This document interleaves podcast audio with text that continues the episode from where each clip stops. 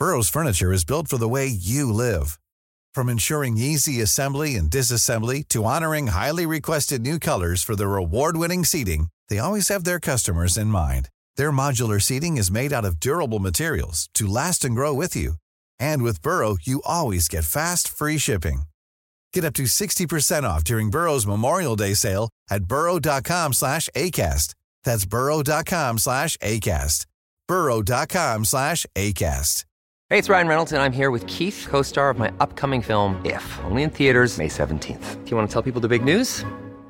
All right, I'll do. Sign up now and you'll get unlimited for $15 a month in six months of Paramount Plus Essential Plan on us. Mintmobile.com slash switch. Upfront payment of $45 equivalent to $15 per month. Unlimited over 40 gigabytes per month. Face lower speeds. Videos at 480p. Active Mint customers by 531.24 get six months of Paramount Plus Essential Plan. Auto renews after six months. Offer ends May 31st, 2024. Separate Paramount Plus registration required. Terms and conditions apply if rated PG. I'm Sandra, and I'm just the professional your small business was looking for. But you didn't hire me because you didn't use LinkedIn jobs. LinkedIn has professionals you can't find anywhere else, including those who aren't actively looking for a new job but might be open to the perfect role, like me. In a given month, over 70% of LinkedIn users don't visit other leading job sites. So if you're not looking on LinkedIn, you'll miss out on great candidates like Sandra. Start hiring professionals like a professional. Post your free job on linkedin.com/people today.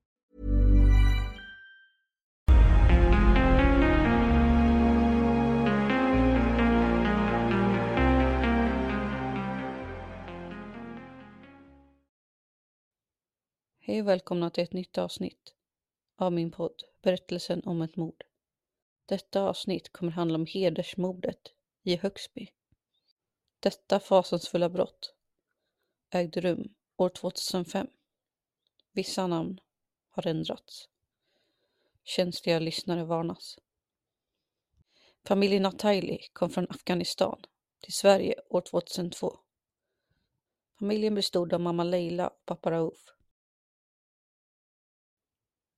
Och deras fyra barn. De hade tre söner och en dotter. Familjen flyttade till Högsby som ligger i Småland. De flyttade in i två lägenheter i samma hyreshus för att de var så många i familjen. De bodde mitt emot varandra.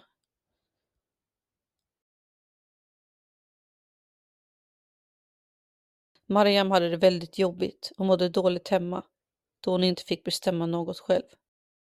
De hade stränga regler och hon fick inte ens vara i vardagsrummet om pappan eller bröderna kollade på TV. Hon skulle ha heltäckande kläder och hennes bröder var tvungna att följa med henne till skolan. Samtidigt hålla koll på om hon pratade med några killar. Hon var väldigt hårt hållen. Hon fick inte ha mobiltelefon och vara online på datorn om inte hennes mamma satt bredvid henne. Följde hon inte reglerna skulle hennes bröder straffa henne. I maj 2005. Mariams familj hade vänner från Skellefteå och en helg åkte vännerna hem till familjen i Högsby. Mariam och dottern i familjen, som vi kan kalla Nina, kom väldigt bra överens. Nina visade Mariam hur man kan chatta via datorn så de kunde hålla kontakten när Nina hade åkt hem. Hon visade hur allt fungerade och Mariam fick syn på en bild på en kille i Ninas vänlista på MSN. Killen hon fick syn på var Abbas Resai. Nina berättade att han var 19 år och att han också bodde i Skellefteå. Nina och hennes föräldrar åkte hem och vännerna började chatta med varandra. En dag satt Abbas bredvid Nina när hon chattade med Mariam. Abbas och Mariam började skriva med varandra efter den dagen. Men vem var Abbas? Abbas Resai var 19 år gammal. Han var också från Afghanistan. Abbas pappa och bror hade dött i kriget. Familjen flydde sen till Iran. Abbas fick ta över papparollen då han var den äldsta sonen. Efter ett tag i Iran så flydde Abbas till Sverige. Året var 2004. Abbas förhoppningar var att han skulle få ett bra jobb i Sverige så han kunde hjälpa sin familj att komma i säkerhet. Han älskade att spela fotboll. Han var väldigt omtyckt. Abbas och hans bästa vän Elias. Elias kom också från Afghanistan. Bodde tillsammans i en lägenhet i Skellefteå. Abbas och Mariam hade tät kontakt. Och trots att det var hundra mil emellan dem blev de förälskade i varandra. Mariam visste att hon inte fick gifta sig med någon kille från en annan undergrupp. Hon visste att Abbas tillhörde en undergrupp som inte hade lika mycket status som den gruppen hennes familj tillhörde. Mariam fick inte ha kontakt med killar så kontakten var väldigt hemlig. I början av hösten så skickar Abbas ett halsband med ett halvt hjärta till Mariam. När de ser det blänkande hjärtat runt hennes hals säger Mariam att halsbandet är från en kompis. Abbas bär den andra halvan. En dag råkar Mariams bror se hennes mailkonto. Men innan brodern hinner läsa något av hennes mail drar Mariam ut sladden och skrek. Du får inte läsa mina mail. Men hennes bror startar datorn igen och tvingar henne att öppna mailkontot igen. Hon öppnar ett annat mailkonto och där finns inte Abbas mail med som tur var. Han tar då tag i Mariams arm och drar med henne till deras pappa. Brodern säger att Mariam har hemligheter och då säger pappan Mariam, vem har du kontakt med? Hon svarar inte sin pappa. Marians bror vill slå sin syster men pappan stoppar honom. Mariam säger sen att hon lovar att hon aldrig ska sitta vid datorn igen och det lugnar situationen. Abbas hade berättat för sina vänner att han hade börjat chatta med en tjej. Men han var mycket hemlighetsfull. Han berättade också att han skulle gifta sig med henne. Men det var inget hans vänner trodde på. För enligt Abbas tradition så var man tvungen att gifta sig för att kunna vara tillsammans med en tjej. En dag så pratar Mariam med Abbas i telefon. Mariam tror att hon är ensam hemma. Men hon hör att dörren öppnas och det är hennes pappa som har hört samtalet. Han drar Mariam med håret och säger till sin son att han ska hämta en kniv för att han ska döda Mariam. Men han hämtade aldrig kniven. Då blir Rauf arg på Mohammed istället. Han säger att han är en fegis. Alla barnen blev slagna av sin pappa under hela deras barndom. Mariams föräldrar hade försökt gifta bort henne flera gånger och hon skulle nu giftas bort med sin kusin i Danmark, vilket hon inte alls ville. Så hon skrev till Abbas att hon ville att han skulle hämta henne och att de sen skulle fly till Skellefteå. Abbas tvekar och pratar med sina vänner men han bestämmer sig till slut för att åka och hämta Mariam. Abbas ber henne att ta bort alla mejl från honom och att hon ska radera sin MSN så att det inte finns något spår efter honom. På grund av att detta är så förbjudet. De ska fly via en buss. Mariam och Abba ska träffas på busstationen och sen åka till Skellefteå tillsammans. Den 20 oktober är dagen då det förälskade paret ska träffas för första gången och frigöra Mariam från sin familj. Mariam går till en mataffär efter skolan för att handla mat till den långa bussresan. Det visar sig snabbt att det beslutet var ett stort misstag då hon möter sin pappa i affären. Mariam lyckas dock övertala honom att allt är som det ska. Abba stod och väntade vid busstationen. De träffades och åkte till Skellefteå. Samma dag anmäls Mariam försvunnen av sina föräldrar. Polisen börjar leta efter henne överallt. De får ett eget rum i Abbas lägenhet och Mariam börjar klä sig i jeans och sluta bära slöja. Jewelry isn't a gift you give just once. It's a way to remind your loved one of a beautiful moment every time they see it. Blue Nile can help you find the gift that says how you feel and says it beautifully with expert guidance and a wide assortment of jewelry of the highest quality at the best price. Go to BlueNile.com and experience the convenience of shopping Blue Nile, the original online jeweler since 1999. That's BlueNile.com to find the perfect jewelry gift for any occasion. BlueNile.com. Hey there, it's Michelle Norris. I'm host of a podcast called Your Mama's Kitchen. When I travel, I'm usually looking for a way to find a taste of home when I'm not at home. And one of the things I love to do when I am at home is entertain. And Airbnb allows me to do that. When I was in California recently, I rented a house that had a great kitchen. And when we were sitting around the table, we're all thinking, we're in someone else's house. Someone could be in all of our homes as well. If you have a home, but you're not always at home, you have an Airbnb. Your home might be worth more than you think. Find out how much at airbnb.com slash host.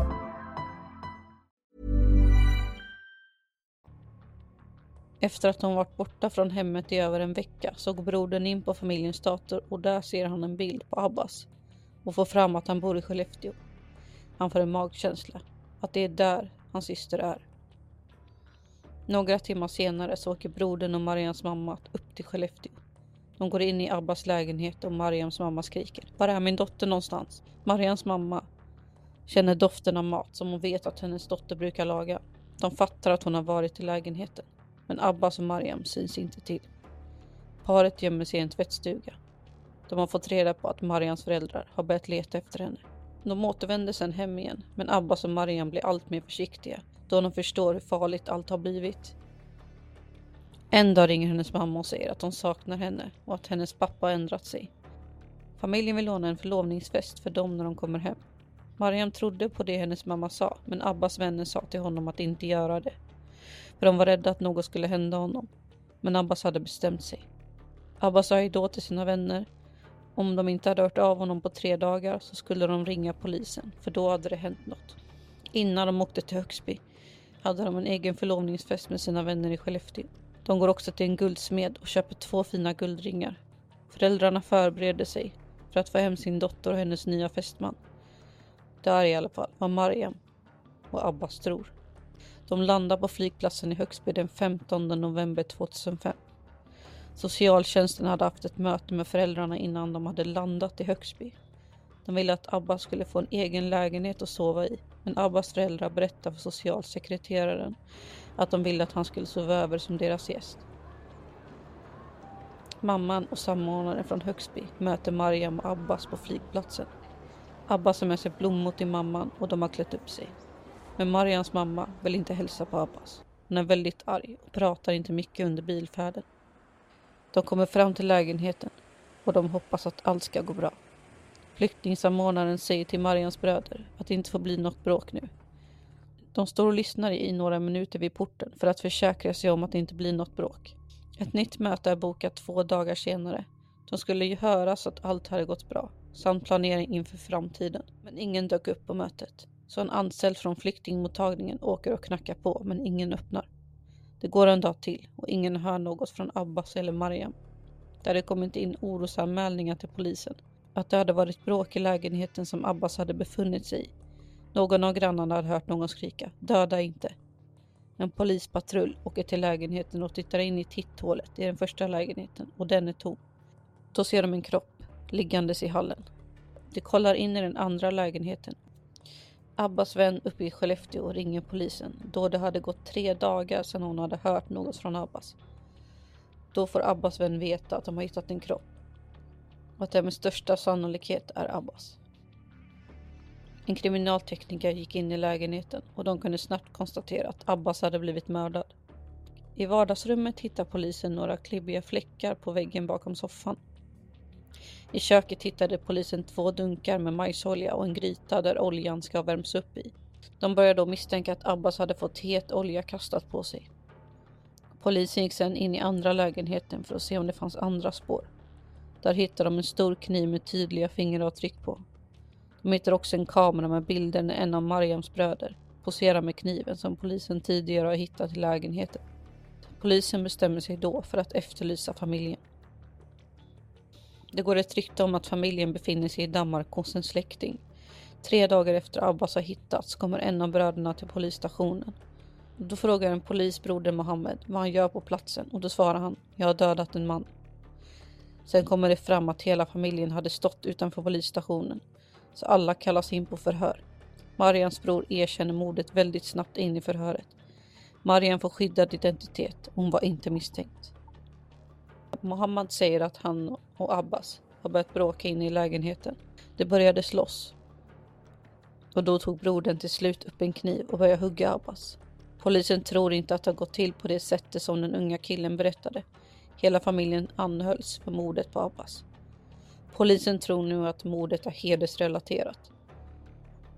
Polisen ber nu varje familjemedlem att berätta om deras ursprung för att stärka teorin om hedersmotiv. Polisen gör rekonstruktion med bröderna för att få deras bild hur mordet gått till. Berättelsen stämde inte överens med den tekniska bevisningen. Polisen tror nu att det är flera personer som har varit inblandade i mordet. De genomförde nu en ny rekonstruktion med föräldrarna och sönerna.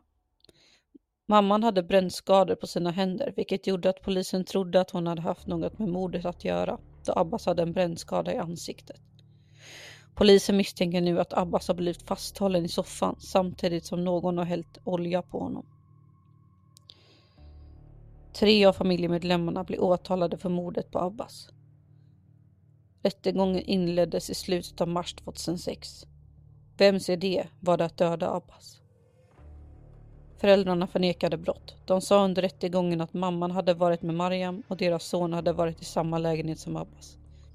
Pappan gick på toaletten och när han kom ut därifrån så såg han sin son hugga Abbas. Han sa att han inte kunde stoppa honom. Föräldrarna la all skuld på sin son. Brodern sa att han agerade i självförsvar då Abbas hade blivit aggressiv. Han ville döda Abbas för att han har stulit lilla systern från familjen. Den 26 april dömdes den äldre brodern till fyra års sluten ungdomsvård för mordet på Abbas, medan mamman och pappan släpps.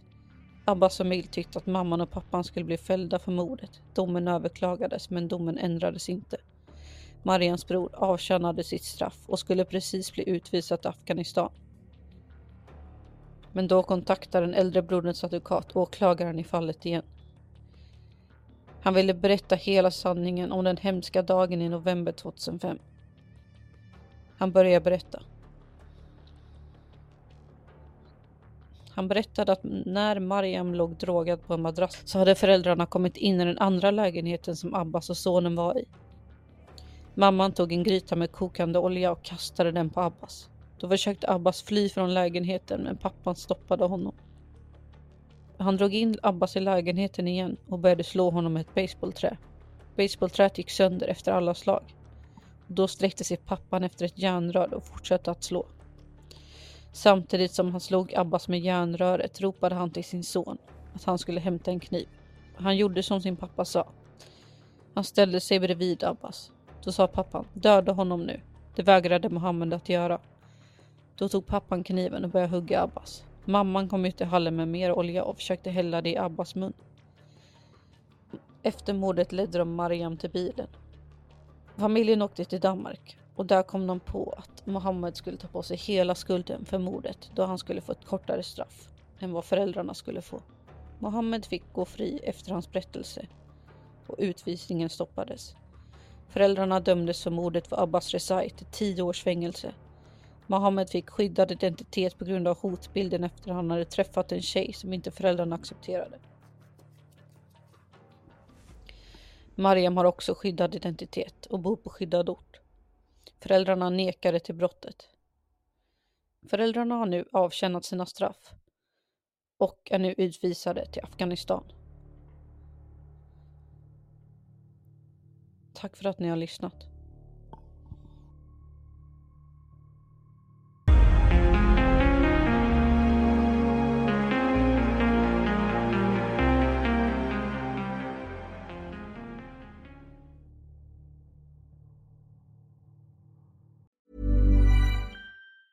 Planning for your next trip? Elevate your travel style with Quince. Quince has all the jet setting essentials you'll want for your next getaway, like European linen, premium luggage options, buttery soft Italian leather bags, and so much more. And is all priced at 50 to 80% less than similar brands. Plus, Quince only works with factories that use safe and ethical manufacturing practices. Pack your bags with high-quality essentials you'll be wearing for vacations to come with Quince. Go to quince.com/pack for free shipping and 365-day returns.